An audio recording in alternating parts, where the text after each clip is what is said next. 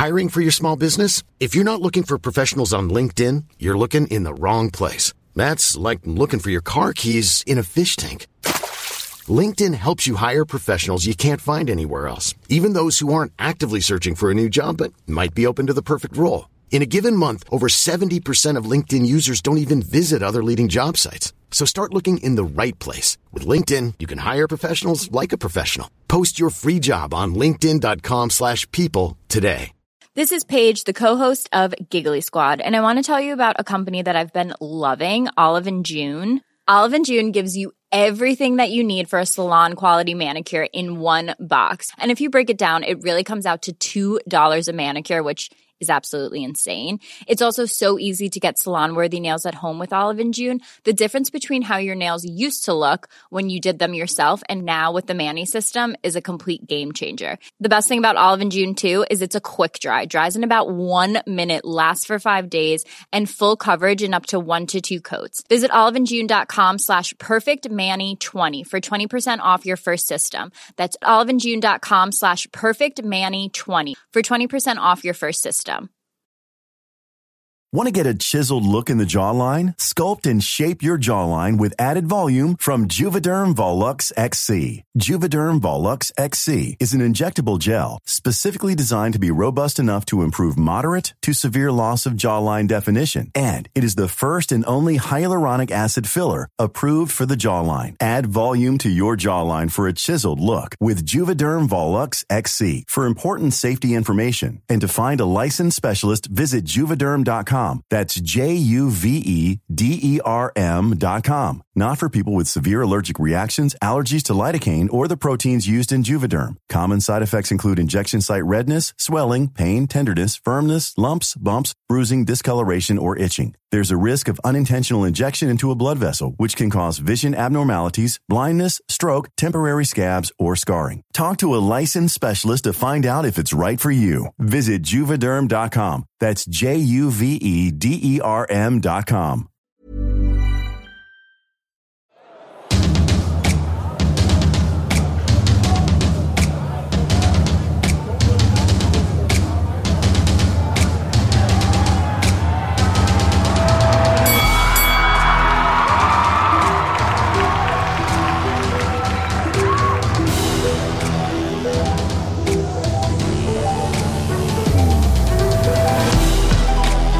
Jag vet inte vad jag har gjort, men det, det har varit rätt mycket poliser här på sistone. Väl- Välkommen Mustafa- Panshiri. Tack så mycket. Eh, väldigt kul att ha dig här. Kul att vara här. Du har ju varit här lite tidigare. Vi har ju pratat, ni håller på att skriva en ny bok. Är det så? Jens Ganman och jag. är det hemligt? Det lite... Det, det är faktiskt lite hemligt, men, men ja. Ganman och jag håller på med en ny bok Ja. som förhoppningsvis kommer ut till nästa år. Jag tyckte väldigt mycket om eh, Det lilla landet som kunde. Ja, det är en fortsättning på den. Är det så? Ah, fan, den var så jävla bra. var, var det Åsa Romson som sa? Var det som sa att alla som... Vem, hur, var det Åkesson frågade? Vem är svensk för dig? Alla som åker tunnelbanan i eh, Stockholm. Var det så? eller? Ja, så alla som, alla som hon ser på tunnelbanan är svenskar. Ja. Och då svarade Åkesson, "Eh, herr talman, om jag åker tunnelbana i Tokyo, är jag då japan? Och då åkte ni till Tokyo och åkte tunnelbana. Det är så kapitlet börjar. ja. Att vi- vi, vi ville se om det var sant. ja. Du ser inte jättejapansk ut. Nej, och det var väl där vi föll. Ju mer tunnelbana vi åkte i, i Tokyo, ju mindre japaner blev vi.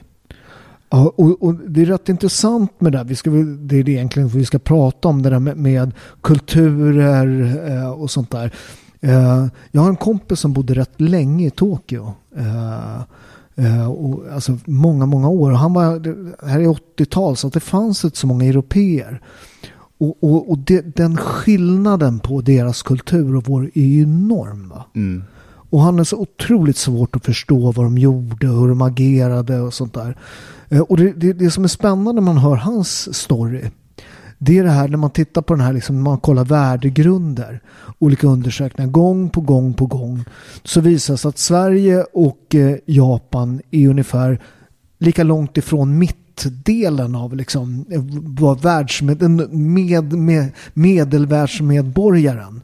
Eh, lite olika delar liksom man tittar på de här värdegrunderna. Men vi är väldigt, väldigt långt ifrån centrumet. Är det inte så att medelmedborgaren är typ italienare? Jo, men precis. Italienare, greker. Eh, men, men du vet, Japan och Sverige är också väldigt lika varandra. Ja. Båda är väldigt sekulära. Och båda är väldigt, vart väldigt, väldigt homogena länder. Eh, och Japan är väldigt strikta med det här, du vet, arbetslivet och det privata. Ja. Man blandar inte ihop det. Det är någonting många invandrare känner i Sverige, att, att varför blir man inte vän med sin arbetskollega? Alltså hänger med den och går hem till den, hittar på saker, utan man upplever att på jobbet, då är vi kollegor, sen, sen går du hem. Sen går du hem till dina vänner och din familj. Eh, och det, det är japanerna också noga med. Eh, för er som inte vet vem Mustafa är, jag glömde att presentera dig, Jag har varit så jävla ivrig att diskutera.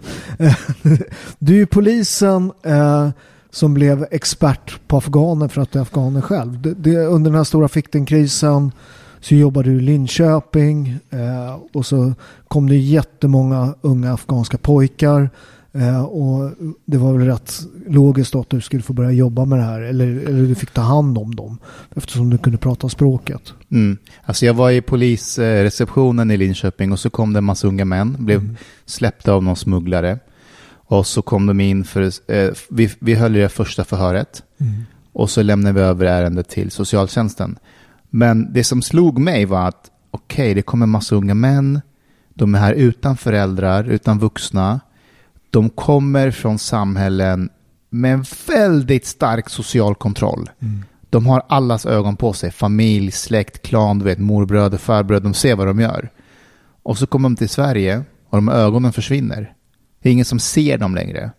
Okej, de får någon god man, socialsekreterare, men det är inte samma sak som en sträng farbror i Kabul, du vet. Så jag tänkte, vem ska förmedla för dem att ja, du kommer ha väldigt mycket frihet i Sverige, men det kommer också visa ansvar med den friheten. Och jag såg inte, det, det kunde lätt gå snett för dem också. Kan lätt hamna i dåligt sällskap. Så jag började tillsammans med en kollega, Håkan Stenbeck, vi började åka runt till flyktingförläggningar helt frivilligt utanför vår arbetstid oftast. Och eh, träffade de många killarna och gav dem information om vad Sverige är för ett land, hur polisen jobbar här, hur polisen skiljer sig härifrån från polisen i hemländerna. Ehm, och sen slutade jag från polisen och gjorde det helt själv. Åkte runt i Sverige och träffade nyanlända. Jag, jag gör det än idag. Mm, jag, fick faktiskt en bok som jag inte har läst, eh, som jag har läst nu under helgen. Uh, var det Sju råd till Mustafa? Ja, och, det- och det är just den här hur man blir svensk, lagom svensk. lagom svensk i världens mest extrema land. Ja, för att det är rätt spännande med det där att, att eh, svensken ah, tror jag känner sig som medelmedborgaren. De känner sig som italienaren. Ja, Eh, landet lagom. Ja, landet lagom. Men det, det, det är väldigt få grejer som är lagom med Sverige. Vi är ju rätt extrema när det gäller, alltså, och, och när man säger det här så, så eh, kanske folk uppfattar det som något negativt. Mycket av de här extrema sakerna är rätt fina tycker jag. Verkligen. Med, med svenskan. Det här med, med man pratar inte med folk med, med bussen. Det är inte för att, att, att man så här, eh, inte tycker om andra människor. Utan i Sverige har man ju så här väldig respekt för andras liksom, utrymme. Och jag ska Ja. inte störa. Och det finns ju massvis med fina. Sen har ju alla kulturer bra och dåliga saker. Liksom. Men det, finns, det har gått till extrema lite. Ja. Det är det. Alltså, jag, jag, jag kan ge ett exempel. När jag, jag jobbade i, i Linköping så var vi... Vi hade också Åtvidaberg, du vet. Du vet, det var ju där med Alexanderrånet var. Men Åtvidaberg, då la man ner polisstationen. Så vi var i Linköping, men vi hade också ansvar för Åtvid. Och så fick vi ett samtal. Då var det en granne i Åtvidaberg som, eh, eller en granne, en, kvin, en äldre kvinna som ringde och sa så här. Ja, min granne brukar alltid gå ut varje dag och slänga sopor. Idag har jag inte sett henne. Jag är väldigt orolig för henne. Det kan ha hänt henne någonting. Hon är gammal. Kan ni komma och bara se till att hon mår bra? Absolut. Eh, skulle du bara gå och knacka på och se om hon mår bra så, så kommer vi och såklart också. Nej, det vill jag inte göra. Varför inte då? Ja, men jag vill inte lägga mig i. Nej. Men det är din granne. Vill inte du tänk om hon behöver hjälp nu, nu, nu. Mm. Eh, du kanske kan göra någonting. Nej, jag vill inte lägga mig i. Ni får komma och knacka på hos henne. Så vi fick åka från Linköping, vad är det, tre, fyra mil till Åtvidaberg. Hon mådde såklart bra. Tillbaka till Linköping. Mm. För det, där är, det, det, det, det är de bra och dåliga grejerna. Ja, men det har gått lite för långt Ja. i vissa aspekter. Men, men jag tror inte det är bara den svenska kulturen. Jag tror att just den grejen handlar en del liksom om det långa socialdemokratiska styret där, där liksom staten gör allt. Va? Ja. Eh, jag tror att det problem med det att, att staten sköter liksom när du blir sjuk, när du mår dåligt, eh, och vilket det naturligtvis ska göra till viss grad.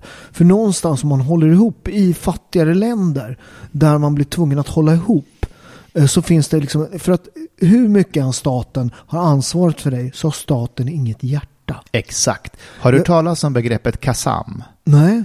Eh, står för känsla av sammanhang. Ah, men det, det har jag nog, står inte det i någon av dina böcker va? Eh, jag kanske har skrivit om Ja. det, men inom sociologin är det ett känt Ja. begrepp. Och det är att du vet länder där det är så här, dysfunktionella stater, det är fattigt, Ja. men man märker att de lever längre på något sätt. Eller så här, om man kollar i deras vardagsliv, de skrattar mycket, de håller varandra nära och eh, det är inte så att de går runt och gråter varje dag för att livet är tufft. Mm. Och då har man kommit fram till att de har en stark kasam, alltså känsla av Ja, sammanhang. just de har familjen nära, vännerna nära, man tar hand om varandra. Vilket gör att man inte känner sig ensam. Man går igenom det tillsammans. Mm. Och eh, i, i, i starka länder har man inte lika stark Där kasam. man har stark stat. Ja, Det, men, men det där Mo- Moder Teresa, eh, hon som fick Nobelpriset, hon fick ju frågan i någon intervju om de, de fattiga olyckliga människorna i Indien som hon hjälpte. Och då sa hon, nej de är fattiga. Men de riktigt olyckliga människorna, de träffar jag här i Europa. mm. Så att det finns ju något. Och tittar man, eh, om man ser på den här forskningen med, med eh, blå zoner där folk blir som äldst. Världens äldsta kvinnliga befolkning finns ju på Okinawa, eh, nu utanför Japan. Och den äldsta manliga befolkningen finns ju på en annan ö eh, som är utanför Italien, Sardinien. Eh, och tittar man på alla de här så är det alla har starka sociala nätverk. För att det, det är det här liksom. Eh, I Japan har de till och med ett ord för det där. Det kallas ikigai. Anledningen till att jag vaknar på morgonen. För har du inget sammanhang, har du liksom ingenting, ja, men då finns det ingen anledning att leva. De två farligaste åren i livet är tydligen när man föds och när man går i pension. För att då, då saknar livet ikigai. Mm. Så, så att i, i, i fattigdomen finns också eh, ett tvång att hålla ihop. Men du, om man skulle fråga ehm, svenskar, så här, vad, vad, är, vad är meningen med livet? Ja. Vad tror du att man skulle svara? Alltså jag, jag, jag är genuin, jag har ingen svar. Jag bara undrar, vad tror du man skulle svara? Bli lycklig. tror inte det? Tror inte det Jo, jo. Tror inte jag har rätt i det? Jo, det är det, bli lycklig. Men hur blir man lycklig? Ja, det tror jag är. Det, det tror jag inte de själva har ett svar på. Det, Nej. jag, jag, jag, jag tror att... Eh, nu säger jag dem, jag är faktiskt, folk vet inte det, men jag, är, de, jag vet inte om folk förtränger det. Jag är faktiskt en fjärdedel svensk, så jag är jättesvensk. Mm. Så att, eh, du, du också måste jag bara säga innan ni, ni han, han påstår att du är assimilerad och allt sånt där. Det är du inte alls det. Att, jag inte, att jag är det? Ja, du, på, du skickade ett sms till mig idag och sa att du var assimilerad. Ja, v- för du sa något om... Eh. V- Vendetta, sonen, vi, vi har ju ätit innan här. Ja, Eh, Och så sa jag var det något tjafs. Så sonen kommer vara här och blir det något tjafs så, kommer, kommer, så kanske det blir vendetta. just det. Ja, men du kom för sent. Ja, jag, jag var fyra minuter sen. Ja, fyra minuter. Ja. Det är för fan. Ja, i Sverige är det ju... Det är katastrof. Ja. Nej, men jag skulle nog säga att jag eh, har en fot i bägge kulturerna. Ja. Det svenska och afghanska. ja. Och att jag kan navigera mig genom båda. ja, men det är lite, lite som jag också. Men, men man, känner, man känner direkt om någon har dansat kring majstången. Just det. Du, du kan små grodorna och du vet. Ja, men jag har gjort det. Men, men vad- hur kommer det sig att du har gjort det? För du kom, du var 11 när du kom. Just det. Och så hamnar vi i Nacka. Mm. I Älta. Väldigt fin kommun. Ja, det är det. Här Men, bor det fina människor. ja, men det gör det verkligen. Mm, det gör Men- bland annat då. Men, men vi hade en väldigt nära kontakt med majoritetskulturen. Ja. Så majoriteten i min skola var eh, svenskar. Eh, fotbollslaget, majoriteten svenskar.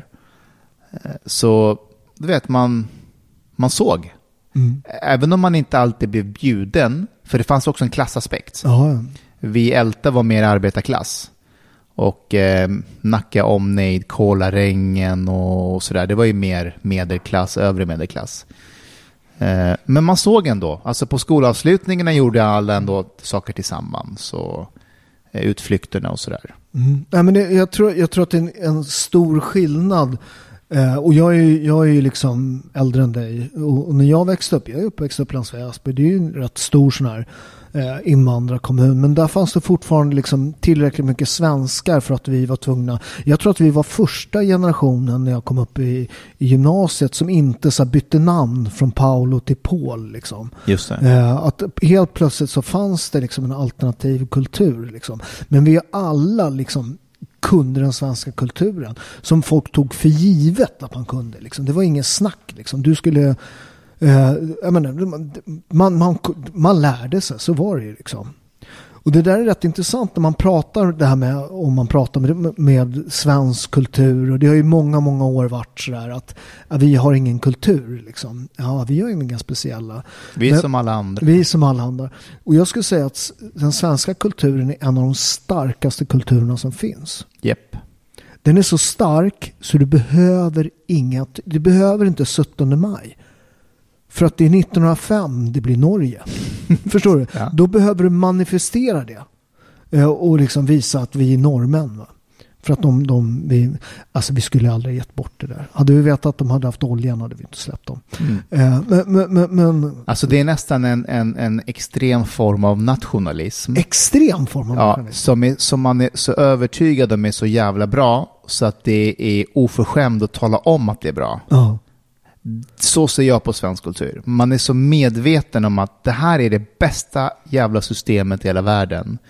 Så vi behöver inte tala om för dig att den är bra när du kommer hit. När du upptäcker det själv så kommer du följa det här. Mm. Lite så. Det är i och för sig ett rätt bra system. Med, med, med, om. med, stora, med, med, med en del brister naturligtvis. Absolut. Eh, Jag älskar Sverige. Jag Ja. älskar svensk kultur.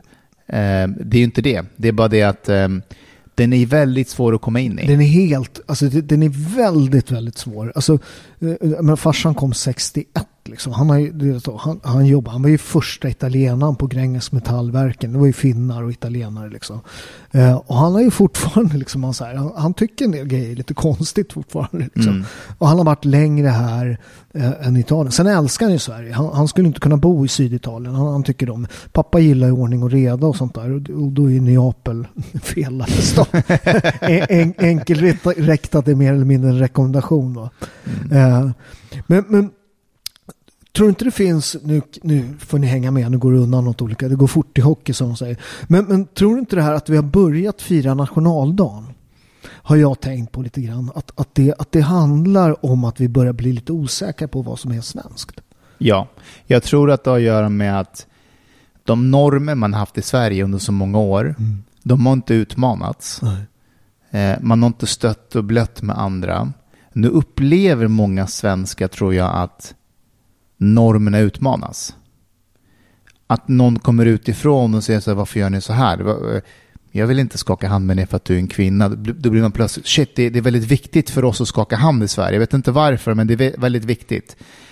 Så alla de här med nationaldagen, det blir som en slags manifestation om att du, det är viktigt att med de här grejerna för oss, bara så du vet. Ja. Att man, att man, man, man möter eh, en slags motstånd eh, eh, med de här med de här sakerna. Ja. Nej, men det är för att, att, att man börjar, man, också med religi- liksom kyrkan och så, man börjar fundera, vad är vi egentligen? Liksom? Mm. Eh, och det där är ibland också eh, förståelsen för andra kulturer. Det är, när man ibland så här, alltså när jag var liten var så här, och det är fortfarande så ibland, man frågar så här, "Jaha, du, vad är du då? Är du inte kristen? Jo, jag är katolik. Men är du inte kristen? Man, du, det är vi som är kristna. Men Ansgar, vad, vad, vad var han? Mm. Vad, vad är det? 14, jag tror reformationen börjar eh, 1527, 1545 eller 44 är den helt genomförd. Va? Eh, Så, så att svensken har varit katolik lika länge som den har varit eh, protestant. Vi har ju till och med haft ett religionskrig mellan eh, Sigismund och eh, hertig Karl. Hur, hur, mycket, hur mycket muslimer? Alltså, vi firar i Eid, du vet, mm. och lite Ramadan och högtider. Det är mer en, det är mer en, en del av identiteten. Mm. Um, men den finns där. Jag vet hur den funkar. Jag kan navigera mig genom det. Men inte så att jag ber eller, eller är troende eller så. Nej, för det där har jag också märkt. När, när jag när jag var liten och växte upp, Ammet och eh, en av mina polare, liksom, de, de var ju turkar och då pappa var imam och så här. Det var liksom ingen så här, jag, jag kommer inte ens säga, han åt antagligen inte griskött men it was no big deal liksom. Mm. Han skötte sitt och vi skötte vårt liksom. Uh, idag är det ju så jätte liksom, du vet, och det gör inte dit och här och där och jag ska göra så och så här. Alla är så jävla bra på att kräva sina rättigheter liksom. Mm, mm. Vad, vad, vad, tror du det där beror på? Att det är helt plötsligt så här men det är som du säger att det var en annan sorts mentalitet då. Alltså, du vet, en vanlig klyscha typ eh, när jag kollar i USA. Eh, de som har lyckats. Så säger de alltid, börjar alltid meningen med jag kom till, till USA och jag hade två dollar i fickan. ja, och nu har jag miljoner, du vet. Den, den mentaliteten, det gör någonting med det. Alltså att du kommer till ett land som säger till dig, ja alltså du är välkommen hit varsågod, men du är din egen lyckas med. Mm. Varsågod. Vi kommer inte hjälpa dig. Men tänk om du kommer hit och du får mycket serverat. Men man kräver inte någon, något tillbaka från dig. Mm. Vilket gör att man i princip tar ifrån dig din värdighet. Exakt. Vilket, och till slut så gör... De låga förväntningarnas tyranni. Ja, ja men lite så. Mm. Eh, jag, jag, brukar ge ett exempel. att Tänk att du... Eh, Tänk att du tar in en eh, hyresgäst hemma hos dig som har det väldigt jobbigt. Eh, du vill vara schysst. Så, vi har ett extra rum här, varsågod, du, du kan bo här. Eh, och så säger du, när vi äter så äter du med oss. Vi serverar tre mål mat om dagen. Och så säger personen efter ett tag, du tack för att jag får bo här och ni, verkligen kan jag göra någonting som tack för att jag får bo här? Alltså, du vet, ta hand om huset, hämta någonting så att jag och då säger nej, nej, du behöver inte göra någonting. Du behöver inte göra någonting. Du ska bara vara här. Till slut så kommer den här hyresgästen att känna någon slags förakt mot dig. Mm. Den, kommer säga, den kommer tänka att är jag verkligen här för att du tror på mig som människa, för att du förväntar dig något av mig, eller är jag bara hemma hos dig för att du ska känna dig lite bättre? Mm. Och Jag tror att vi har gjort lite så med integrationen i Sverige, inte med din pappas generation. Nej. För det som du sa, han kom på lördag, började jobba på måndag. Mm.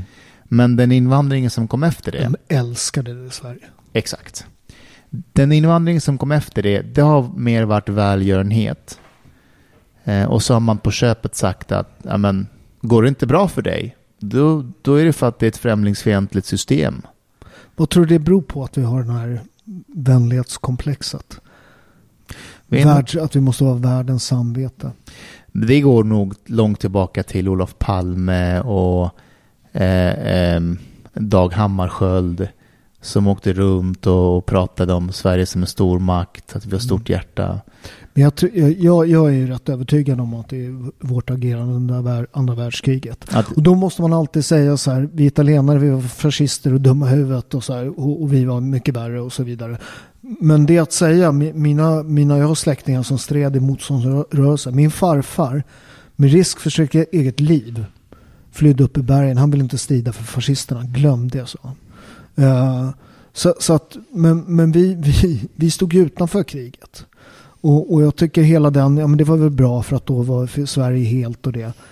Men alla som dog på Normandies stränder, alla slagfält för Sverige. Du menar att man har... För, för friheten, för att mm. ta, ta bort. Liksom, jag tror att det finns en, ett komplex för det. Man har dåligt samvete. Ja. Om man försöker betala tillbaka det. En arvsskuld på något mm. sätt som inte ska finnas. Om man känner så här, oh. Men det är ju världens minst religiösa land, Paolo. Hur kan du prata om... Arvsskulden. Nej, men det, jag tycker den är intressant. Det är Sina Dabrowski eh, som var ja. jätte-tv. Ni som är lite yngre kommer inte ihåg henne. Men hon var ju kung på SVT. Hon åkte runt och intervjuade de främsta ledarna. Och så gjorde de ett hopp vilket någon intervjuade då Margaret Thatcher Just det. inte ville hoppa. Eh, Och det där tyckte man då var, var skandal i Sverige och vad hon sa. För, för att hon försökte pressa på Margaret Thatcher och säga ni tycker ni är lite bättre än oss eh, svenskar. Nej, då ville hon inte riktigt svara på det. Eh, eh, men till slut då, det är ju ändå som Margaret Thatcher. Hon You admit that as a matter of fact, it was America, Canada, and Britain that landed on the Normandy beaches. Yes. France had admit. been But defeated. listen, but I didn't get the Uh, question. Spain was under fascism. Italy had been under fascism. So you admit all of those things. Yes. And then I'm you just- say, well, you don't like it if we say we are better. I say we were better at standing up against tyranny. And that is fact. And that is a lesson of history. Och så säger hon Stina, what do you think about Sweden? Och då kommer den här lite passiva aggressiva engelska, eh, ska man säga, hövligheten. För hon, Så säger hon så här, Sweden was neutral. What do you think of Sweden?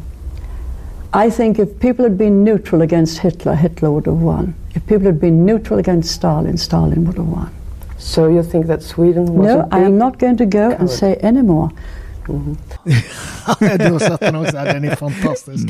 Eh, nej, men jag älskar den, den eh, eh, engelsmän kan ju vara oförskämda på ett väldigt trevligt ja, sätt. ja.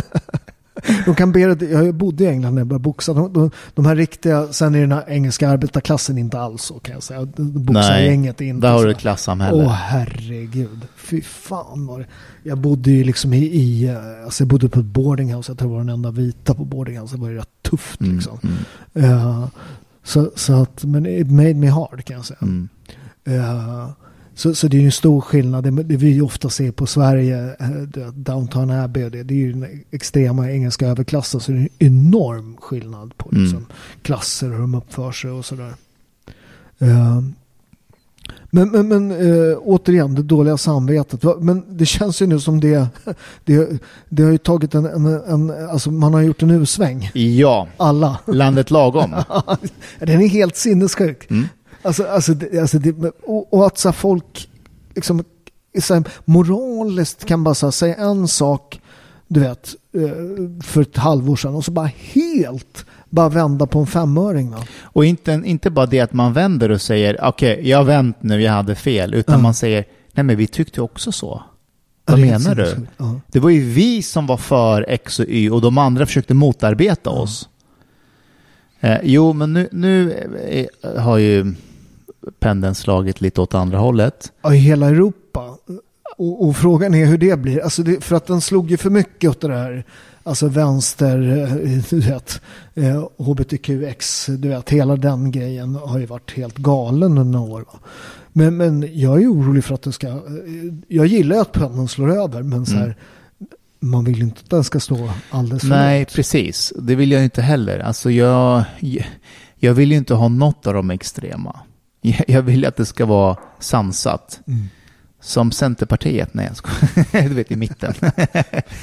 De, är, men de är ju fan de mest extrema som jo, finns. jo. De, de, de är i mitten, de är, de är extremsvenskar. Ja. Ja, det är de. Men deras resa är också jätteintressant. Hur man bara glömde landsbygden helt. Ja, det det. Och blev Stureplan, Centern 100 procent. Ja. För förut var det ändå en fördelning på 50-50 typ. Men, men, och, och sen så att hon kommer undan, alltså det är också stick, hon kommer undan med liksom, man lovar ett sak, sak under valet och man är liksom stark motståndare, man ska äta upp sin sko och folk röstar på henne och så gör hon helt tvärtom, återigen. Att, att, att man, det är det här med i, i Sverige, det här med ta ett ansvar, det här med mitt beslut sådär. Jag, jag, och, bruk- och alla har vi gjort, ta, satt dumma saker. Fan, jag har satt tusen dumma grejer. Men jag brukar be om ursäkt. Jag säger så här, om, om, om, om, jag tyckte samma, om jag tycker samma sak som jag tyckte. Jag har till och med varit sosse för fan. Jag fick näst mest kryss i, i valet i Stockholms största valdistrikt. Liksom. Uh, så, uh, så här, om jag tycker samma sak som jag tyckte för 20 år sedan. Då har jag slösat bort 20 år av mitt liv. Va? Det vill bara säga att jag hade fel. Mm. Nej, men det, det, det är väl det, det som är sidan med politiken att har man haft, om man säger att man har haft fel då, då är man svag. Mm. Eh, men det behöver inte vara så. Alltså så är det ju inte. Tvärtom, man ska ju uppskatta. Exakt, exakt. Eh, och, de, och de som säger så här, men jag hade fel, jag har ändrat Mm. mig. Du ser hur det går för dem i politiken. Ja, men ta en sån som Hanif Bali till exempel. Eh, han har ändå stått på sig och sagt, men jag hade fel i X och Y. Ja. Eh, nu, nu har jag ändrat mig och tänker så här. Ja, men det, det, man har ju respekt för det. Ja. Man ska akta sig för Churchills citat. Eh, men, men han säger väl, eh, politik är att förespå framtiden och sen förklara varför det inte blev så. jag, vet, jag tror att det kan vara ett sånt man tillskriver honom, men det, det är tillräckligt bra för att det ska vara Churchill. Det är många citat som... Som, Som inte, nej men, men, men de blir, det är ett väldigt bra citat och det blir ännu bättre om Sir Churchill har sagt Jag vet, Ja. jag vet. Du, jag måste fråga dig en sak. Ehm, för vi, vi pratade lite om kultur och sådär. Mm.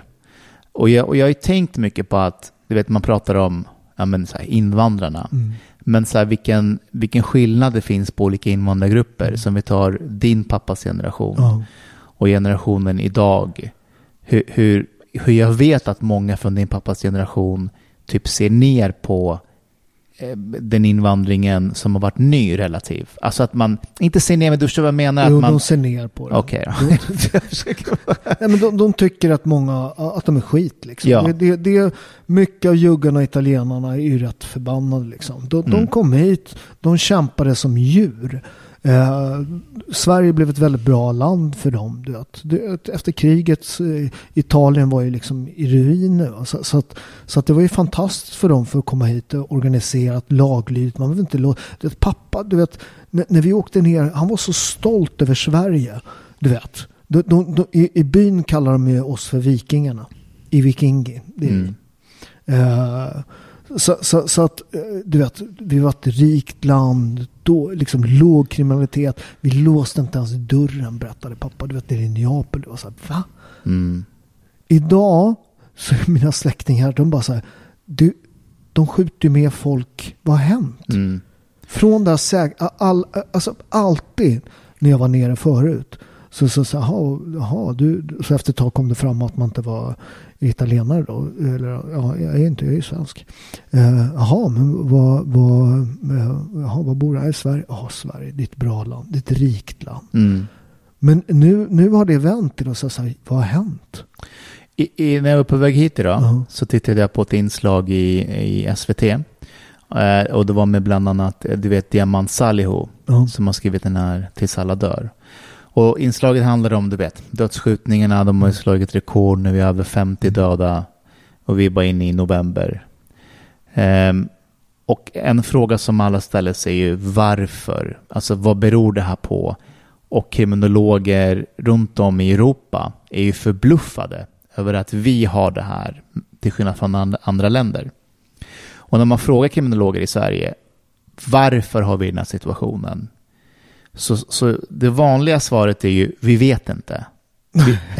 Ja, och, och jag har tänkt mycket på det här, att man svarar vi vet inte. För jag tror så här, jag tror att det är inte så att de ljuger. Jag tror inte att de, alltså att de ljuger, att de sitter på sanningen men att de inte vill säga det. Jag tror att de inte har gjort sitt jobb och tar reda på varför vi har det här. För du vet, du, du, du kan ju inte killgissa, du måste ju ha någon så här kausalitet på det beror på det här och det här.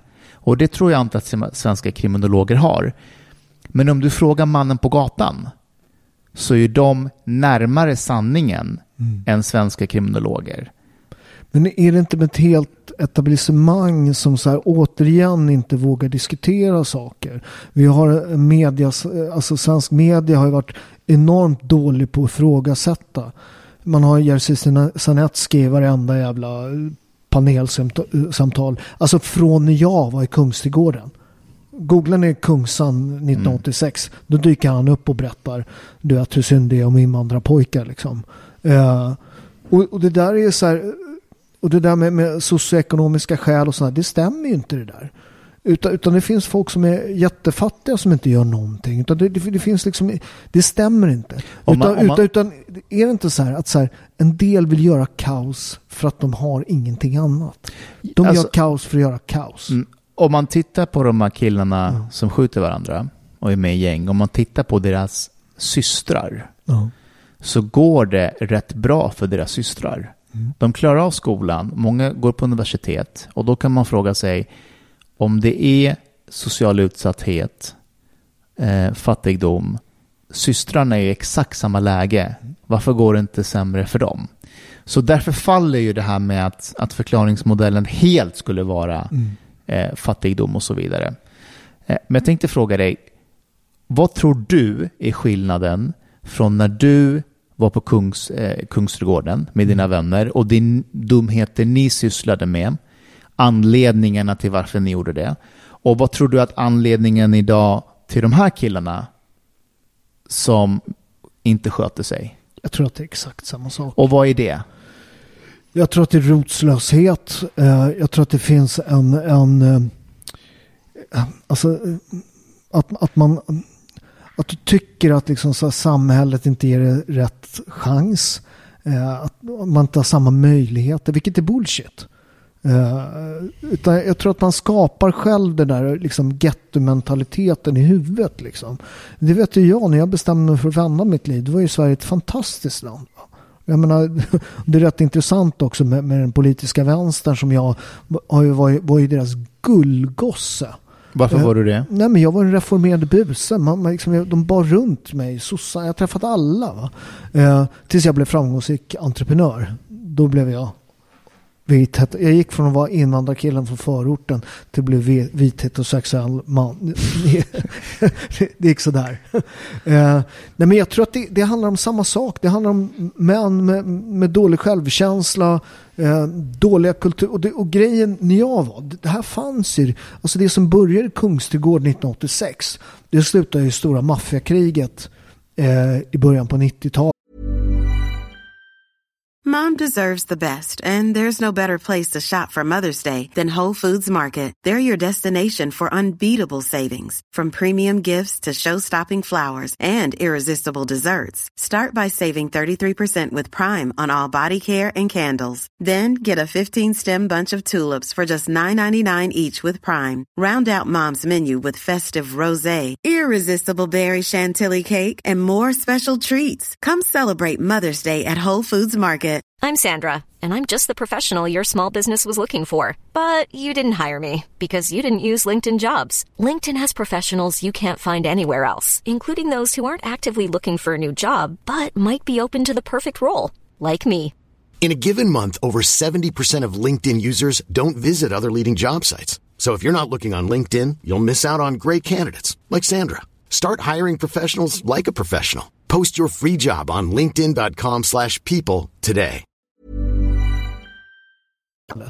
Det är de gängen som till slut, som jag är delaktig i, som sen gör upp liksom. Det dör rätt många folk. Men då, då, då fanns det bara ett ställe det hände. Nu händer det liksom i småorter runt om i Sverige. Och det är för att vi har spridit ut den här förortsgrejen, för den fanns ingen annanstans. Liksom. När, den här, där, där folk med stor arbetslöshet, eh, där män upplever att de inte har någon framtid. Eh, du tittar på vem som kör Mercan i kvarteret, det är pizzabagaren och eh, gangstern. Så det är bara att välja, det är de två alternativen. Eh, och man tittar inte på syrran då som pluggar och det går skitbra för. Va? Liksom. Okej, men, men om, man ska, om man ska göra en djävulens advokat där, har vänstern då rätt att... Men då är det ett mansproblem. Ja, det, är klart, Alltså- det, det, det är klart att det är, det är män som gör det här. Ja, precis, för det är inte kvinnorna. Nej. Och är det, är det en ehm, hyperform av maskulinitet som har gått snett? Är det en machokultur? Det, det, det, det, är en, det är en förlorad manlighet. En manlighet som inte... Alltså, det som jag och många av dem som hamnade i trubbel eh, hade, det, det, är att, det är som att sätta någon på en vild hingst. Eh, en ung manlighet. Det, det är svårt att hantera. I fel situationer. Jag vet ju exakt om jag tittar på företagsledare som är uppväxta på Östermalm. Eh, som är, du, kan, du kan se direkt, det där är min arketyp. Myror i brallan, kanske inte gått jättebra i skolan. Men de har haft kontakterna, de har haft förståelsen hur samhället funkar. Det är bara att titta på min son till exempel. Där, där hans mamma är akademiker. Jag fan, hon har hur mycket? 380 poäng. Liksom. Hon har pluggat allt. Liksom. Den, den förutsättningen att kunna plugga, kanalisera sin grej. Eh, det finns en helt annan möjlighet för de här att vända den här energin. Va? Det säger jag, jag jobbar ju en del och har alltid haft killar i mina företag med problem. Säger så här, det där är en vild hingst idag. Det som gör att du hamnar i problem är också energin till att nå framgång. Den dagen du lyckas tygla den där vilda hingsten, då kan ingen stoppa det. Men om man, jag håller med om det du Mm. säger nu, men om du växer upp i ett område där du är en vild hingst, det är mycket känslor, du vet, du Ja, vet ja. inte vad det beror på, det är fjäril i magen, Ja, du vet inte vad det handlar du agerar på det. Men om du inte har en pappa hemma Nej. som, som kan möta det här, Papp, pappa, också många som är deprimerade, inte jobbar, inte har några framtidsutsikter, eh, snackar skit om Sverige. Eh, du vet, man, man har flytt hit. Eh, och du vet, jag tror att det kan vara den värsta tortyren av, alltså det, det där att inte tillhöra någonting. Det, det, det är så programmerat i oss som flockdjur. Att inte få del i flocken leder till olycka. Det finns ju hur mycket liksom forskning på det här som helst. När du liksom står utanför eller långt ner i hierarkier så mår man psykiskt dåligt. Man har till och med svårt att tänka rationellt. Och då sitter man och längtar hem till liksom det gamla landet där allting var perfekt. Och man pratar med ungarna och säger så här, "Ja, hemma där är du vet, svenskarna kan inte. Och man börjar romantisera. man börjar romantisera något som man till och med har flytt ifrån. Mm. Eh, Det som- finns det- i all, det finns i alla kulturer. Det finns också Det är som ett italienare- dåligt förhållande. Ja. När man har lämnat det så börjar man minnas Ja, the good moments. Precis. Fast det var ju alla de bad som gjorde att du lämnade. precis. Eh, och så de här killarna, för oftast det är killar, de, man börjar romantisera hemland Mm. eh, som något renare och mer ehm, ehm, ja, men så finare på något sätt. Du får en identitet också. Mm. För att det där fattar inte folk. Har, du- har du inte varit med i de här gängen? Alltså du går ifrån, alltså blir du med i de här gängen så går du från att vara ingen. En nolla, en pissmyra. Något som inte är samma, alltså du, du är inte duktig, alla ser ner på det. Eh, till att vara något folk respekterar. För så är det. Alla, hur det än är. Om, om du mötte liksom mig när jag var som värst i mörkren i centrala Stockholm. Då var jag den viktigaste mannen i ditt liv. Så är det. Och, och du vet, kan man, kan man inte vara bäst kan man faktiskt vara bäst på att vara sämst. Och det är ju det här. Det tänkte jag komma in på också. Att, för jag, du har ju helt rätt i att man vill tillhöra någonting. Och så hittar de någonting. Ett gäng eller någon kompis. Eh, grupp som man är i. Du vet att bilden av det här gänget du är i, att alla tycker att de där är värstingarna, de Ja. där är farliga. Och så tänker man att är det det, är det, det ni ser oss som, då ska vi fan med vara de värsta jävlarna ni har sett. ja, ja. Men du vet man var så gängkille liksom. Du vet, man var ju som en stjärna liksom. Folk var ju rädda för Man hade massor, du vet. Från att vara ingenting liksom. Till att vara dålig i skolan och bara, du vet. Till att liksom helt plötsligt, du, vet. Jag vann ett slagsmål när jag gick i sjuan. Och så fick jag hänga med de äldre killarna för jag kunde slåss. Jag gick från att ha en rätt töntig snubbe. Till att liksom lära mig att klä mig. Du vet, du vet. Han var den lilla killen som kunde slåss. De tog hand om dig. Då, ja, ja. Det, det, det hade ett pris. Det är ju det. Mm. det finns inga, det finns, det, there's no free lunches. Nej, nej. Jag är knivhuggen tre gånger så att, så att vet. Kommer du ihåg vad det var som gjorde att du bara så här, that's it, jag lämnar det här. ja, absolut. Jag kan, det är faktiskt en polis Okej. som jag har ingen aning om vad han hette. Jag är ett på, för, ett på, förhör, på ett förhör på gamla VD1, vaktdistrikt 1 som ligger där, centralstationen ligger nu där. Så fanns det där. Eh, och det var om ett mord som, som, eh, som eh, nej, det det var om ett rån som jag inte var inblandad i. Eh, så jag satt där och var rätt stöddig liksom. Och man visste, de hade ju, jag hade liksom inte, det, det var, de hade smash and grab, de hade liksom tagit sig in och slog. Men jag, jag var faktiskt inte ens jag, så att jag satt där och var lite stöddig med armarna i kors. Och, eh, man har ju varit på en del förhör liksom. Eh, och så var det klart förhöret, då ska jag resa mig och gå. Då sa den här kriminalkommissarien, och han bara sa, sätt dig ner igen Paul. Jag vill bara att du ska se en sak innan du går. Han drog ut en låda ur skrivbordet, plockade upp en bild, sköt den över skrivbordet. På bilden fanns en kompis till mig. Han var mördad, skjuten till döds. Uh, han, han låg i en pöl av sitt eget blod och sin egen avföring. Det är så när man dör, då, då, då pissar man ju skiten ner sig. och döden på det sättet det är verkligen inte som på film. Liksom. Det är extremt otäckt och, ex och extremt läskigt när det är någon man känner. Och se dem i den förnedringen, för det här är ju förnedrande. Va? Och han sa till mig, du vet Paolo, det är snart din tur. Det är snart ditt nummer. Så att eh, jag reste mig upp och bad honom omsorgsfullt att dra åt helvete. Eh, och, eh, men utanför när jag stod på Vasagatan där så knöt jag mot händerna och så sa om det finns en gud, hjälp mig. Och för den dagen var jag faktiskt inte kriminell längre.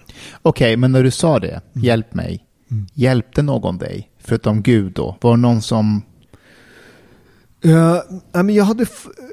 nej, ut, utan jag, jag fick kort efter det där fick jag jobb på Café Opera som dörrvakt. Uh, ägaren där är italienare. De hade börjat få problem med förortsgäng. Mm. Eh, och då tänkte de, uh, Kungsan, Paolo.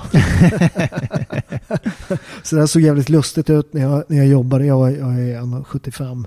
Mina kollegor var ju två meter, vägde 100 kilo. Men när det var slagsmål var det jag som slogs och de tittade på. Så där, där fick jag liksom så här välja sida lite grann. Så att jag hittade något annat att göra tror jag. Som också så här, det var ju rätt...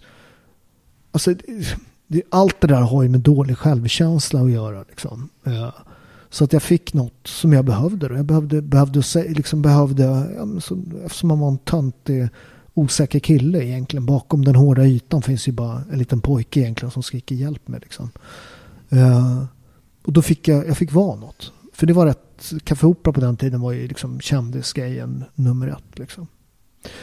För det kan jag ju säga med, din, med din, ditt folk, afghanerna, som har ställt till med en jävla massa problem. Eh, Men där finns också, man tittar alltid på problemen sådär. Vi har ju på vår klubb har vi afghaner som är skitduktiga liksom. Jag är duktiga brottare och... Ja, taekwondo är de Mm. skitbra i också, du vet. Eh, Min taekwondo-klubb har vi flera stycken. Eh, Issa som är tränare där, han det är faktiskt roligt. En så tog, han, jag tror han tog sitt tredje eller fjärde svarta bälte. När han så tog sitt svarta bälte i taekwondo, min, min son då. Och sen så efter då så, så, så tittade han lite surt på mig. Så, så jag bara, vad, vad är det? Du och din son. Jaha, vadå? Då har man ju tagit en bild. Du vet med alla som tar svart bälte som står med diplomen. Då skickar jag det till Afghanistan och så har de det. Familjen på väg och titta. Han bara, och då vi, min son är 1,90. han är jävligt rolig. Han, han bara, jag ser ut som hans, ser ut som hans son för fan. så du och, din, du och din son ni kan dra åt helvete. Han är supertrevlig. Eh, Och hans fru Sara som också är skitduktig, liksom, gått ut universitetet. Liksom, och. Så att det, men ofta när man, det är en liten grupp. Liksom. Ja. Men nu måste jag, det, nu intervjuar du, du har snott min podd. Ja. Vi har vänt på det. Men, men, men vad, vad tror du, nu, om jag, eh, vad tror du, vad tror du, varför tror du att afghanerna är så överrepresenterade när det gäller brottslighet och sånt där? Jag tror att eh, om man kollar på den afghanska diasporan så har afghaner under en längre tid migrerat till Sverige. Alltså Ja. gå tillbaka till du vet, Hamid Safars tid, Ja. eh, 80-talet. Liksom. Mm. Men de kom med sina föräldrar. Mm. Vilket gjorde att man, det fanns en stark social kontroll. Så de, de afghaner som har ställt till det, eh, de har ju oftast, du vet de kom med 2013, 14, 15, den vågen. Utan föräldrar, utan någon social kontroll och så har de hamnat lite vind för våg. Eh, men grejen är att eh, det kan också vara väldigt positivt att komma hit utan föräldrar. Mm. För då blir inte den här värderingskrocken här på samma Nej. sätt. Är du ambitiös och vill göra rätt för dig, då kan det faktiskt till och med vara bra att inte ha dina föräldrar med. Nej. Då hamnar du hos en svensk fosterfamilj som är förhoppningsvis bra. Mm. Och så, du vet, är du ung, du bara suger åt dig allt med samhället och kommer in i olika sammanhang. Mm. I Malmö finns det ett fotbollslag som heter FC Ariana. Bildad av en ensamkommande. Eh, började spela, eh, föreningen startade, eh, startade 2015, division 7. För varje år har de gått upp en division. De är i division 1 nu. Så på sju år har de gått upp från division 7 till division 1. Nu är nästa mål eh, eh, superettan. Eh, och vi ska intervjua honom och han kommer till sista måltiden. Mm. Så det finns ju sådana stories som är jättefina ehm, som, som man ska lyfta upp. Ehm, och jag springer ju på de här killarna. Mm. Som säger "Va- va- va- varför eh, pratar man inte mer om alla, alla, alla oss som det går bra för? Kolla vad vi gör och du vet, och jag brukar bara säga så här, så, du vet att det här, att, att det här laget och, och som du berättar taekwondo, du vet, det är så det ska vara. Alltså det, det, det, det är det normala. Ja, precis. Vi kan inte skriva artiklar, artiklar varje dag om att titta, afghaner sköter sig. Det, det, De ska sköta sig. det blir konstigt. Vi Ja. ska sköta oss. Att jag blir polis, och så, det, är det vi ska göra. Det är därför vi kom hit. Mm. Ehm, så att man, du vet, man måste, för, för de, det här, det får de höra från svenskarna. Mm. Varför pratar ingen om att du går i skolan? Du ska inte prata om att han går i skolan. Nej. Man ska bara säga bra, du gör som alla andra. Ehm, och det, det, är en- det är en mentalitetsgrej. Jag tror inte att din, din pappa ville att man skulle skriva i lokaltidningen, titta, en, en italienare jobbar. Nej. Nej. Men, det, men man, man måste också förstå att det, det finns också så här kulturella, som du säger med föräldrar. Du vet, om man bara tittar på min, alltså när jag, när jag var tonåring, bara titta hur, hur annorlunda liksom Syditalien var. Liksom, mot, Italien är också, där måste man också förstå att, så här, att Italien är egentligen två länder. Du har ju norra Italien som är ett av världens rikaste, mest väl, du, du, vet, du vet, all italiensk industriproduktion är i norra Italien. Vi gör världens bästa pizza och så skjuter vi varandra nere i Syditalien. Ilandsitalien är u-landsitalien. Ja, men, ja, men så är det. 100 procent. Ja. Det, det är alltså, du vet, om, om norra Italien, Lega Nord, de, de vill ju inte det längre, men de, de vill ju frigöra sig. Mm. Då skulle det vara världens Ja. rikaste land. Mm. Du vet, Italien är världens tredje största producent av medicin till exempel. Det som inte folk vet. Det är ju Mm. ett högteknologiskt land där uppe. Men nere hos oss, i, utanför Neapel, i bondlandet där. Du vet, när jag var liten, då gick tjejerna, det var ingen tjej, alla gick hem klockan tio. Mm. Du vet, jag hade ju tjej där nere. Det är som, man var ju livrädd för hennes fyra rätt stora bröder. Liksom. Mm. Skulle de få tag på honom, jävlar. Det du, långt hår. Fan. Nej men och sånt kan ju, där, där kan ju leda till så här, om de spöar mig. Eh, då är jag, mina kusiner, du vet, så här, det skulle inte de tolerera. Och det där kan ju liksom, du vet, det är farsan ibland man var ute och går så, så hälsar man på någon så här. Varför hälsar du på honom för? Mm. Nej, men han brukar vara, hänga ner på baren så här. Han bara, vi hälsar inte på dem. Jaha, varför gör vi inte det? Nej, då har han ingen aning. Det bara är så. Det är något som har hänt. Nej, men det är något som har hänt. Ja. Det, är någon i släkten vet. Det är något som har hänt. Så, Ah, du vet, de är så jävla, apropå vi skojar om vendettan. Liksom. Mm, det, det där är, de är väldigt, väldigt sånt. Och det är inte, nu har det ju bara på några generationer, tjoff har Italien ändrat sig. Du vet hur de är klädda, hur de går ut och så. Det, nu är de ju som resten av världen. Liksom. Mm. södra Italien var rätt hårt när jag var liten. Farsan, eh, farsans syrra till exempel, när hon gick på dejter och sådär, då, då var ju farsan med. är det sant? På riktigt. Det är fan old school. Ja, den är så jävla rolig. Vi var och käkade eh, med Maria, heter hans syrra. Eh, Och sen så började vi diskutera just det där. För det är lite intressant att höra. Det var jag som förde det på tal. Så här, och, så här, och farsan bara så här, Tonino heter hennes man. Och så, så här, han bara, ja de var så kär. Det var så, man, man fick liksom jobba för att hålla dem isär. Och det, så här, han, han, förstår du? De, de gick på bio och så fick satte farsan sitta emellan. Nej, det är helt sjukt. Ja, vad heter det? Eh, eh, och då, då, då tittade Maria på honom. Det var så jävla roligt. Så Jaha, så du tycker att du lyckades med det? Eller? Han bara, ja. Då vart han lite så här lång i ansiktet farsa. Han bara, kommer du ihåg att jag på kvällarna brukar ta en, vi, har- vi har en sån här, eh, en trädgård inne i, i stan, så här jättefin från, den är, alltså, från 1000-talet. Eh, i, I den här byggnaden liksom. Kommer du inte ihåg att jag alltid tog en promenad ut i trädgården på kvällen? Ja. Du tror inte att Tonino kunde klättra över vår mur? du, du vet, de här grejerna man, man kommer komma ihåg med sin farsa. Mm. En av de här stö- hans långa ansikte, det var så roligt. Alltså jag skrattade så jag grät. Om man hade med sig morsan istället, då hade hon haft koll. Ja, då har morsan har jag. De kan man inte lura. Men du vet farfar, farfar, han såg ju farmor eh, i kyrkan. Och, och farfar då, så här, han bara, det ska jag ta, min farfar var hur rolig som helst. Han sa, det ska ni tala om för er. jag var, jag var inte, jag var inte som de andra, jag är mer modern. Jaha, okej farfar, hur, hur, hur, hur går det till då? Äh, då hade han gått först till mamman och frågat om det fanns tycke. Han har inte gått direkt till pappan och säger jag heter Michele Roberto. Eh, vi äger den här marken. Eh, olivträden är där uppe. Eh, jag vill gifta mig med er dotter. Utan han hade frågat om det fanns tycke. Wow. Och då fanns det tydligen det.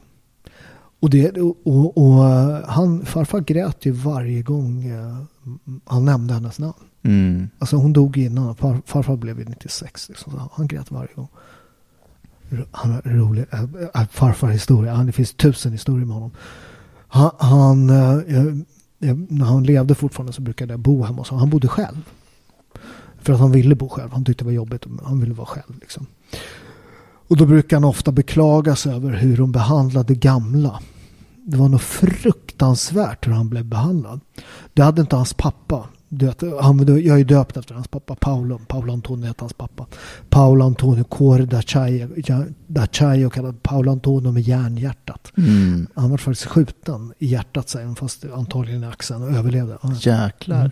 Men det hade inte han tolererat, den här behandlingen, moderna världen.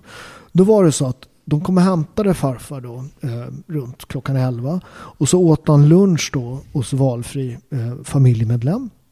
Sen skjutsade, så sov han, där, slutande, så sov han siesta där. Alla fick köpa en solstol för han ville sova i en solstol, en speciell solstol. Så han siesta där.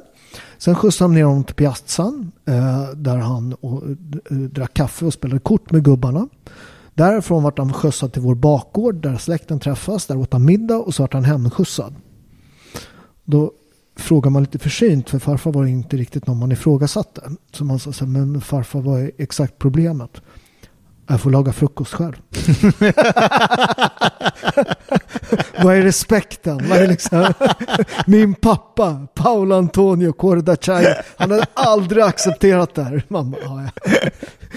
Och så hade han ju varit i Sverige, du vet, du vet mamma och pappa och tog i hand om honom. Du vet. Då i Sverige, där vet de hur de gör. Liksom. Där har de Mm. respekt för gamla. Mm. Eller hur? Tjena. Du vet var fjärde människa som dör i Sverige på sjukhus dör själv. Det, det är så jäkla hemskt. Ehm, en sak som jag brukar, som en utmaning för mig själv. Eh, för du vet, stockholmare är ju världsmästare på att bo ensamma i sina hushåll. Världen, världen, vi är Sverige är land med mest singelhushåll på jorden. Ja. Stockholm den stad. Jepp, 51 eller 52 procent av alla stockholmare bor ensamma i hushållen. Okej, försök att förklara för invandrare som är nya i Sverige varför vi har trångboddhet i Sverige. Nej, men, men, du, du vet, jag, jag som är så här. Jag är ju rätt försvenskad. Liksom, Mm. så, jag- eh, så jag flyttade hemifrån när jag var 18, tror jag, 17 till och med. Åkte ner till mina kusiner och så här, bara skröt. Ja, men det, man vill trycka till dem lite, så här, skoja med dem. Och så, så här, bor hemma hos mamma, du vet, som Mm. mamma gris. Och, du vet, så här. och de, de var så här, helt oförstående. De bara, "Va- varför ska du bo själv? Nej, men då, då blir det liksom, ja, så jag kan äta själv och titta på tv själv och prata med. De, de tycker det är jättekonstigt. De bara, vem ska du prata med? Mm. Det är som mina, mina fastrar också. De är så här, med, med, med, jag har ju två barn. Det är, det är liksom, potensen är ifrågasatt. Va? För de är så här. Eh, de, min farmor de var ju 13 syskon. Jag tror hon var gravid 21 gånger gammal farmor. så fru frågar de alltid så här. De bara så men eh, ska du bara ha två? Ja.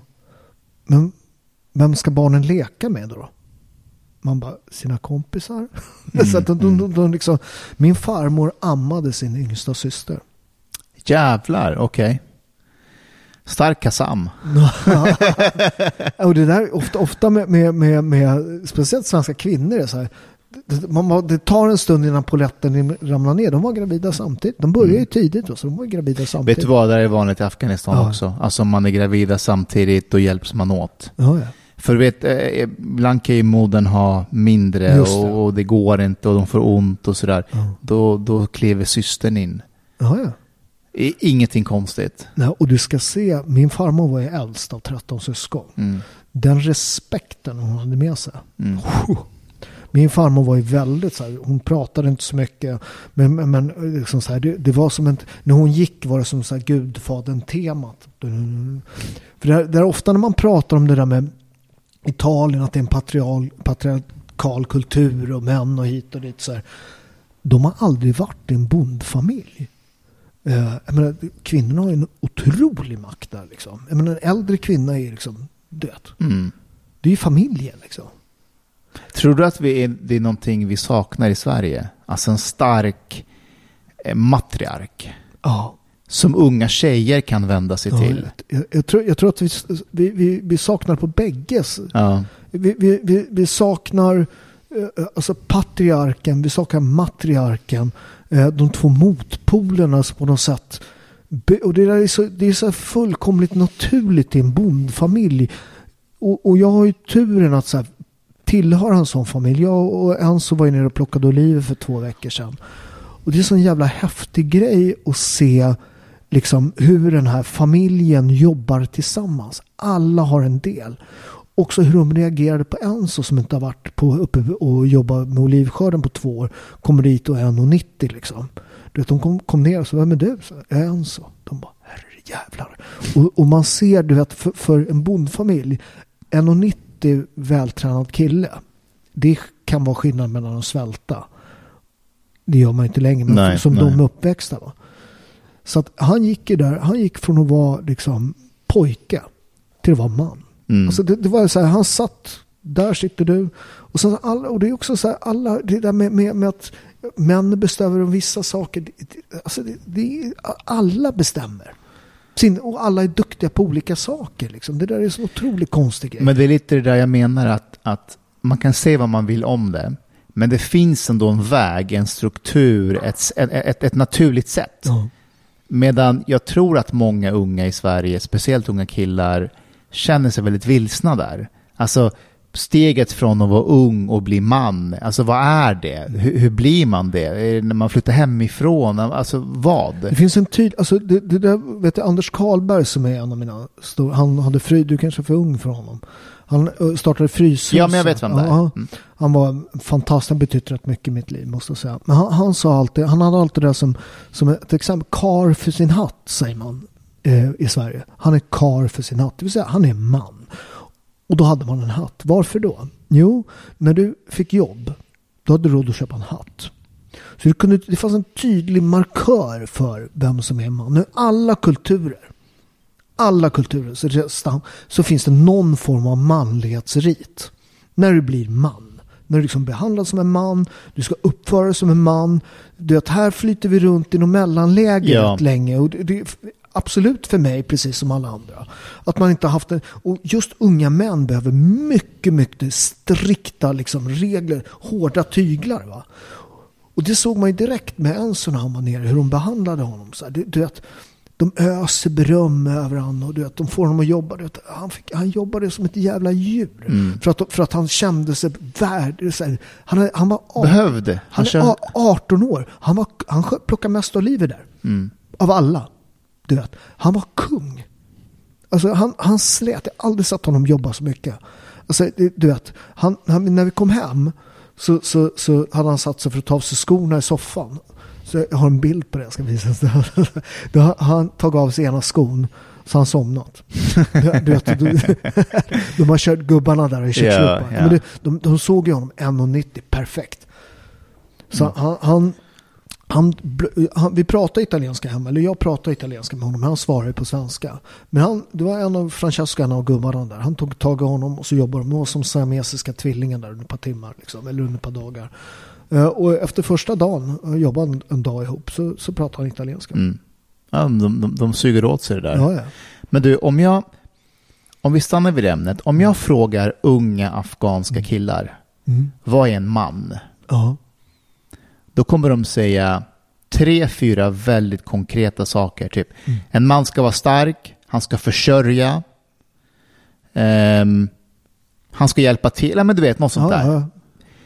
Vad tror du om man frågar unga svenska killar, vad är en man? Vad tror du att de svarar? Och jag vet inte, men vad tror du? Jag tror att det är helt förvirrat. Och jag tror, jag tror att det är det som är problemet.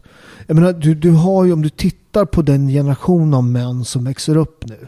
Eh, det är rätt intressant, man såg hur de hade röstat i skolvalet. Mm. När det visade sig att den här Greta-generationen, ingen fucking Greta-generation, eh, utan de är rätt konservativa. Jag tror att det är en längtan speciellt av män, för de röstar ju mer åt höger än vad, vad, vad tjejerna gjorde. Det är en längtan över att få vara man. Att inte, tänk, tänk att ha gått i skolan som min son i alla år och hört att man är problemet. Vad fan, du, du som är makten. Sitter någon liten tioårig kille och får höra om patriarkatet. Va? Vad fan är det liksom? Mm. Eh, och, och, och, och ofta av, av kvinnor med, med massvis med makt liksom. Mm. Nej, men jag, jag, jag, jag tror att Det är en det, hack, hel fucking jävla bransch att snacka skit om killar. mm, och det är väldigt förvirrat för vi har, jag tror att vi har urvattnat manligheten i Sverige. Ja. Så, och om du urvattnar det så pass mycket, då betyder det ingenting. Alltså du kan lägga till jättemånga egenskaper.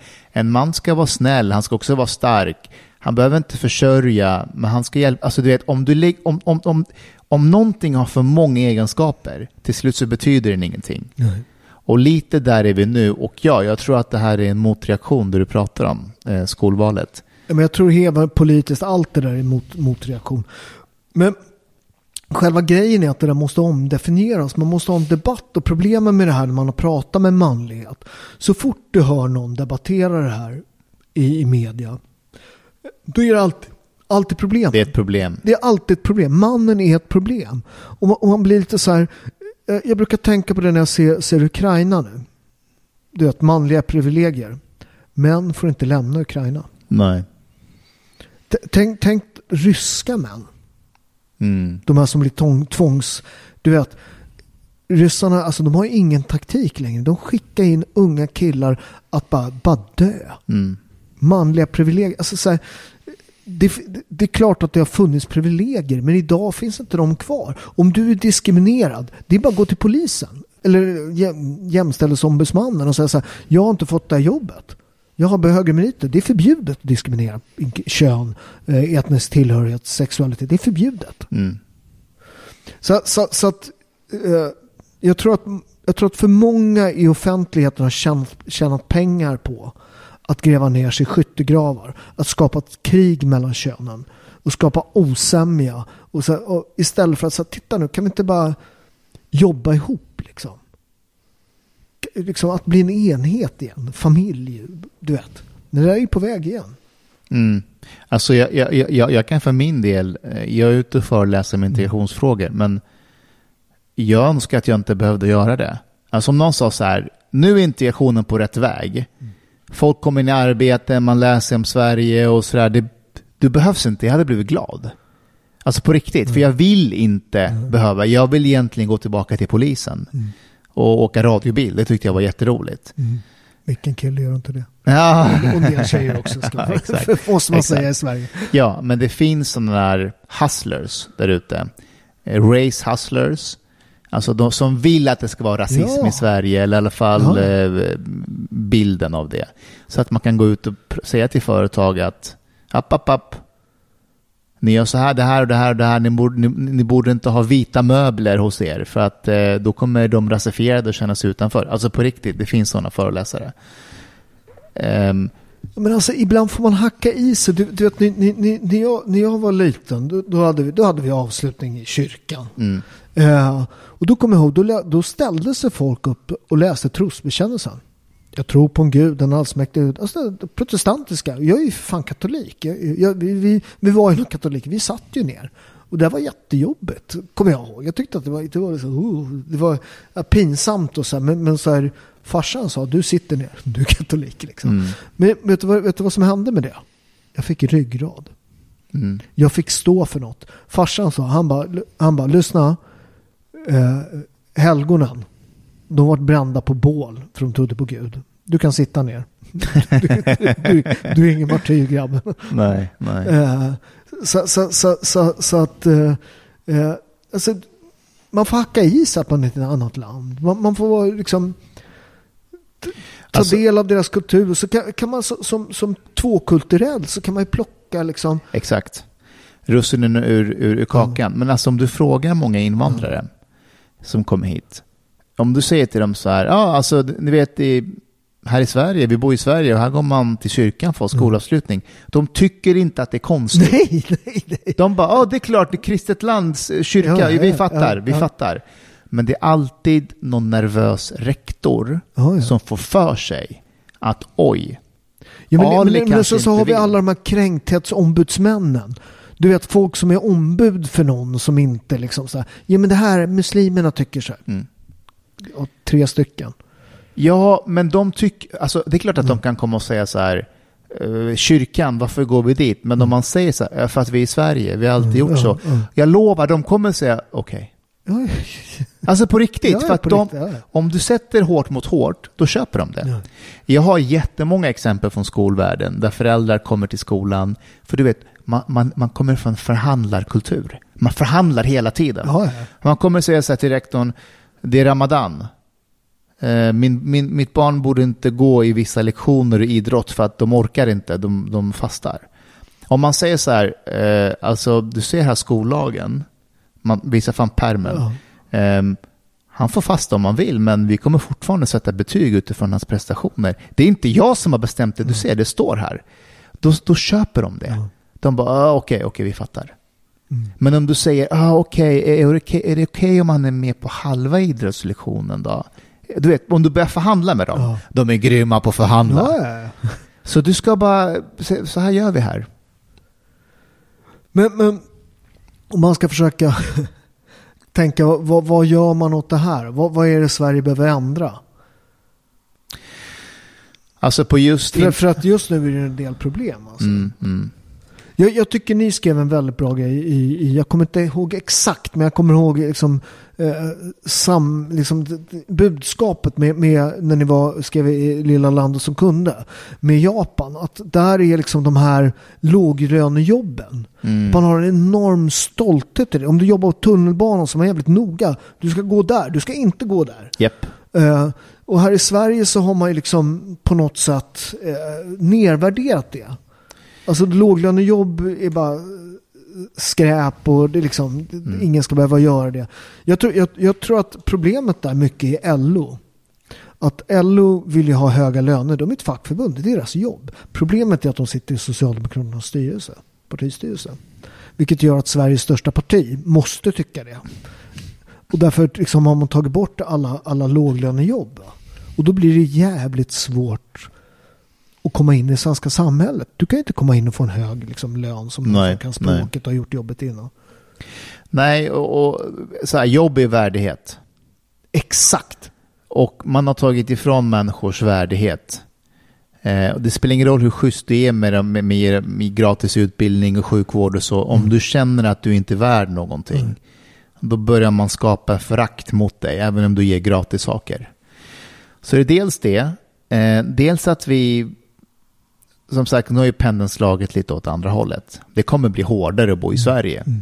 Eh, du kommer nu, som det ser ut, förmodligen kvalificera dig för att få välfärd. Eh, det kommer bli lite som på 30-talet med Gunnar och Alva Myrdal och den socialdemokratin. Där man faktiskt uppfostrade människor till att du vet, sköta tänderna, borsta tänderna, se till att hygienen är schysst. Eh, du kan inte bo för trångt. Jag tror att vi är på väg lite mer åt det hållet, inte såklart för majoritetsbefolkningen, utan Ja. det problem vi har med segregationen. Bra eller dåligt? Jag tror att eh, socialdemokratin då hade det lättare att göra det för att det var så homogent. Nu är det inte det, så man har en stor utmaning. En jätteutmaning. Och det är en grej som jag har tänkt på. Vi har den största demografiska omvandlingen någonsin i svensk historia. På, på alltså kortare tid än något annat land antagligen. va. Eh, och så bara tror man att det ska bara flyta på. Det det är okej att prata om den omvandlingen bara om du är positiv till det. Ja, ja, nej, men, nej, men man, man, man tror att det bara ska flytta på. Det är helt sinnessjukt. Men sen, sen, sen kan det bli liksom, jag menar, vi, vi italienare har ju väl, tror jag, ett av världens mest blandade DNA. Du vet, Italien är ju liksom, det är något 1861. Alla har varit där efter romarriket. Så vi, vi, är, ju- vi, du vet, jag har ju till och med, vi har ju vikingablod. Napoli hade 400 år av normander. Mm. Befriaren, han som befriar Sicilien från araberna, han heter Rogero på italienska. Vet du vad hans riktiga namn var? Nej. Roger. Var Roggan. Är det sant? Ja, ja, no, Ballt. normand. Så, så, så vi, vi hade vikingakungar i 400 år, både Sicilien och Neapel.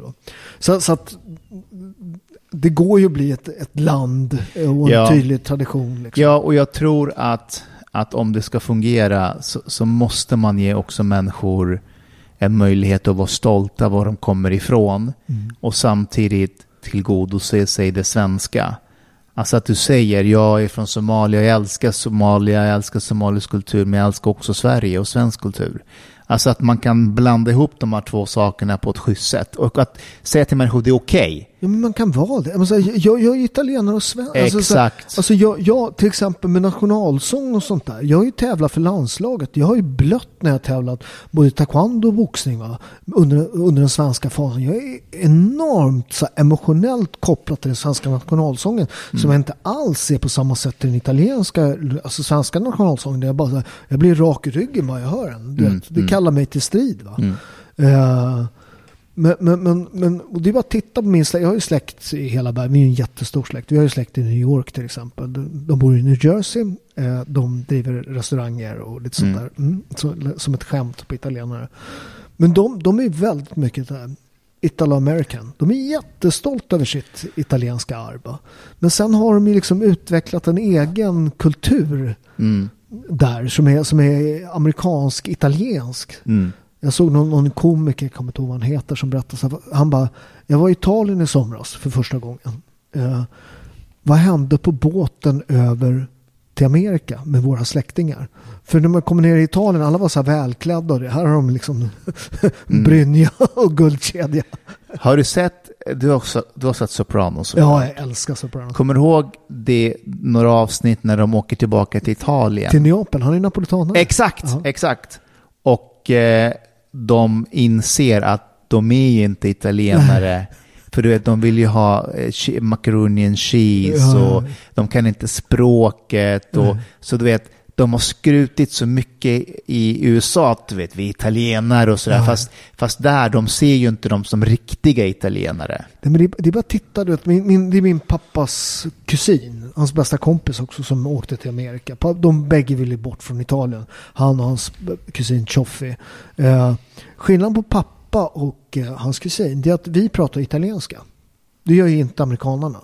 Och de, de, de äter, det är rätt lustigt, de äter traditionell italiensk mat rätt mycket. De har ju restauranger och sånt där. Men sen är det de amerikanska inslagen. Sådär. Men de, de har ju behållit rätt mycket av den italienska kulturen faktiskt. Och hur man äter och så, men de pratar inte språket. Nej, nej. Nej, det brukar bli så. Men, du, ja, du var ju 11 när du kom hit. Vilka, vilka språk pratar du? Ni har ju flera. Eh, men vi har ju dari Ja. och det pratar jag. Och så har vi pashto, men det kan jag inte. Fast det är ett officiellt språk. Ja. Eh, sen har jag växt upp med Bollywoodfilmer. Ja, Så jag kan urdu. Eller jag förstår urdu. ja. Ja, och så svenska och engelska. ja. Så du tycker att det är fel, helt okej att det är en fight, att man, man börjar dansa? Det där är, det där är en italiensk version av, av Bollywoodfilmerna. Men ja, det, jo, men det är, det är inte det är dans, dans. igen. Jo, det är minst fyra, fem låtar i varje. Så varje Bollywoodfilm är en, musikal. Ja. Vad heter han turkiska Bruce Lee? Vad heter han? Fan, jag som uppväxt i Väsby med turkarna, jag kommer få, de kommer slå mig. Sinizid. Ah, men han, de, det finns en turkisk, eh, alltså det, de är bäst de filmerna. Eh, de skjuter och han fångar kulorna med tänderna. Ja, ja, jag vet. skjuter pilbågar, han tar med bägge händerna. Ja, alltså det är lite kulturellt det där. Men, Ja. Så du, du, tycker du Bollywoodfilmer är bra då? Nej, men du vet när man växte upp med dem. Ja, men för nu? Ehm, jag tittar ju inget på nya nu, Nej. utan det är de gamla du, eh, jag minns, Ja. men det är mer nostalgiskt. Ja. Det är samma sak som, du vet, jag såg eh, Rovdjuret med, med Arnold, du vet, när de är i skogen. När jag såg den första gången, jag var ju så här, wow, det är det bästa jag har sett.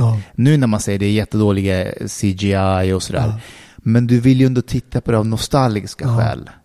Så då, det, det, det är en annan relation liksom. Jag tror att om man inte ser Star Wars-filmerna, alltså aldrig, och ser dem nu, Ja. Det kommer ju bara, vad är det här för skit? Nej, men de är ju rätt bra. Inte Ja, men, men, alltså, men, men, oh, fan. Tycker du? Ja, de håller. Men än så grabben gillar ju Star Wars som alla. Okej. Ja, nej, men de, de håller. Ja. Jag tänker om man växer upp med typ så Marvels Ja. nu och, och DC Comics och så ser man Star Wars. Jo, fast de är, men du, du, kolla igen. De Okej. är, ja, du, du har fel, jag har rätt. Okej, ja men då... Paolo, Hans, Rosling, eh, Roberto. Ja, precis. Eh, ja, men tack för ett eh, spännande samtal. Tack Paolo. Eh, och eh, boken, vad hittar man den? Finns överallt att Libris bok hos Sju råd till Mustafa. Precis. Viktigaste rådet. Eh, behärska det svenska språket. Det är råd nummer ett. Ja, det, det är så överlägset. Alltså det, det, det, sve- svensken skiter i princip i eh, hur du ser ut, hur du är klädd. Låter man som du? Ja. Alltså, det, ja, välkommen. För, för i det, den svenskan du pratar, så behärskar du också kulturen. Japp. Du, du kan små grodorna, du vet. Japp. Och då förstår man den här extremt svåra kulturen och balansera igenom liksom när man eh, har en amerikansk polare som är gi- gift med en svensk tjej. Han föreläser, jag kommer inte ihåg vad han heter nu, men jag har föreläst några gånger med honom. Han berättar här, det här med, med, med, med han flyttar in i, i trappen och så liksom kommer någon svensk och då är han amerikan, svart, stor han också, så gammal marines liksom. Så, Hello, how are you? Liksom. Och folk bara, "Uh, det är helt jävla... och, och då tog hans fru och talade om på skarpen att du, du kan inte uppföra dig som ett psycho liksom, och, vara trevlig. Liksom. Det, det, det funkar, liksom. du är stor så att folk blir jätterädda. Liksom. Så får man inte göra. Nej, men sen är de ute i skogen och så kommer någon gående på en stig där och då hälsar hon, hej hej, jätteartigt. Exakt. Ja, och han bara, men vad är det där? Men i skogen hälsar man, det förstår Det är du. så sjukt, men man tror att det är helt normalt. Ja, ja, det är jättesvårt. Det är samma sak med svenskar i Stockholm. Ja. Här, här vill man vara anonym, Ja. eller hur? Alltså om, om du ser på stan, om, du- om du går på stan i Stockholm, ser, ser du att alla går med raska steg. Alla har bråttom någonstans. Ingen strosar. Jämför det med Rom eller Milano. Det är, man, man hänger på stan på ett Ja, annat sätt. ja, Här, här, här vill man visa att jag är på väg någonstans. Tro inte att jag latar mig här på stan. Men alla de här svenskarna, vad tror du händer med dem när de åker till sina landställen ute på skogen? Ute i skogen? Då blir de normala igen. Ja. De börjar hälsa på varandra, de är Ja. mer spontana, bjuder varandra på kaffe och paj. Men in, alltså in, den urbaniserade svensken, Mm. den vill vara för sig själv. Alltså du, min, min granne här som, som, som var och hälsade och förstörde vår podd. Eh, han, är, han är rätt stor svart Mm. snubbe. Jag, bru- jag brukar säga till honom så här, du, apropå inte vara svensk. han, han dräller alltid in han, han, han, det- jag ska inte berätta om alla gånger han har drällt in här. Men, men i alla fall, eh, det är rätt ofta är han här och, och kn- knackar på. Men, men, men det är också en sån här eh, enormt liksom, rolig, jag sa till honom så här, när han flyttade hit, jag sa så här, du vet, en svartskalle i kvarteret. Det är exotiskt. Två, gettot. White flight. Så nu har vi en jävla, nu har vi, har vi en iranska här. Och rakt över, här, rakt över från min, gissa vem som bor där? Rakt över gatan, rakt över när du kör ut med bilen. Där bor den italienska militärattachén. Vad är oddsen? Nummer två i rang efter ambassadören. Jaha, oj, oj, oj. Har ni hälsat på varandra? Har vi hälsa på varandra?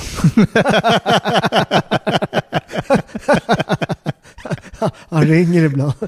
Han säger, jag har ju pizzaugn. Ja, ibland, ja, jag har en pizza. Vad är ett hem utan en pizza? Ja, jag vet, jag Fyra väggar, Ja, barnmisshandel. ja. Men Han ser ibland när det är rök när han inte har sin fru. här, Då brukar han så här, ringa och säga, vad gör ni?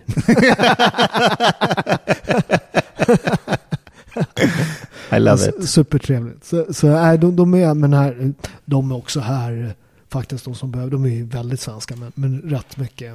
Så att det, det finns allt av allt. Mm. Då har vi löst eh, integrationsproblemen. Ja.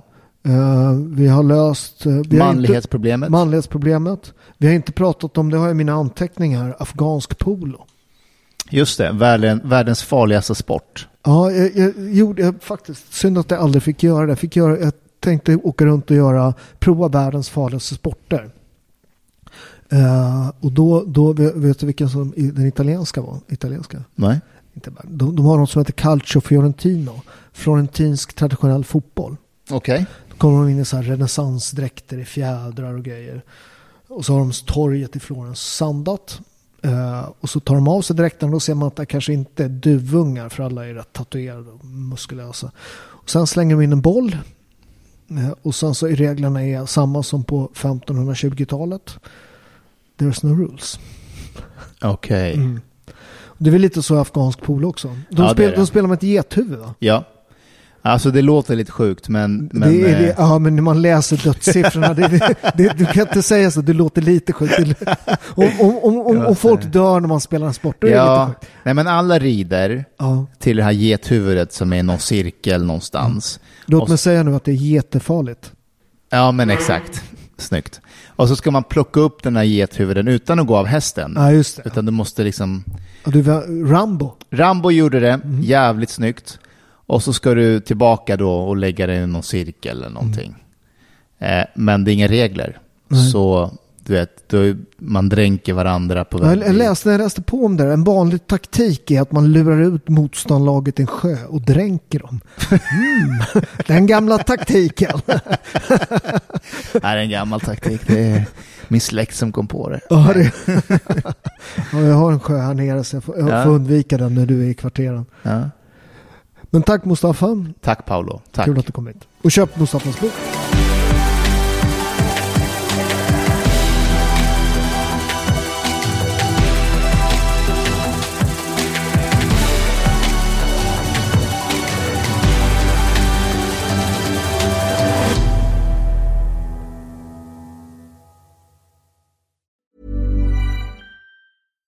Hi, I'm Daniel, founder of Pretty Litter. Cats and cat owners deserve better than any old fashioned litter. That's why I teamed up with scientists and veterinarians to create Pretty Litter.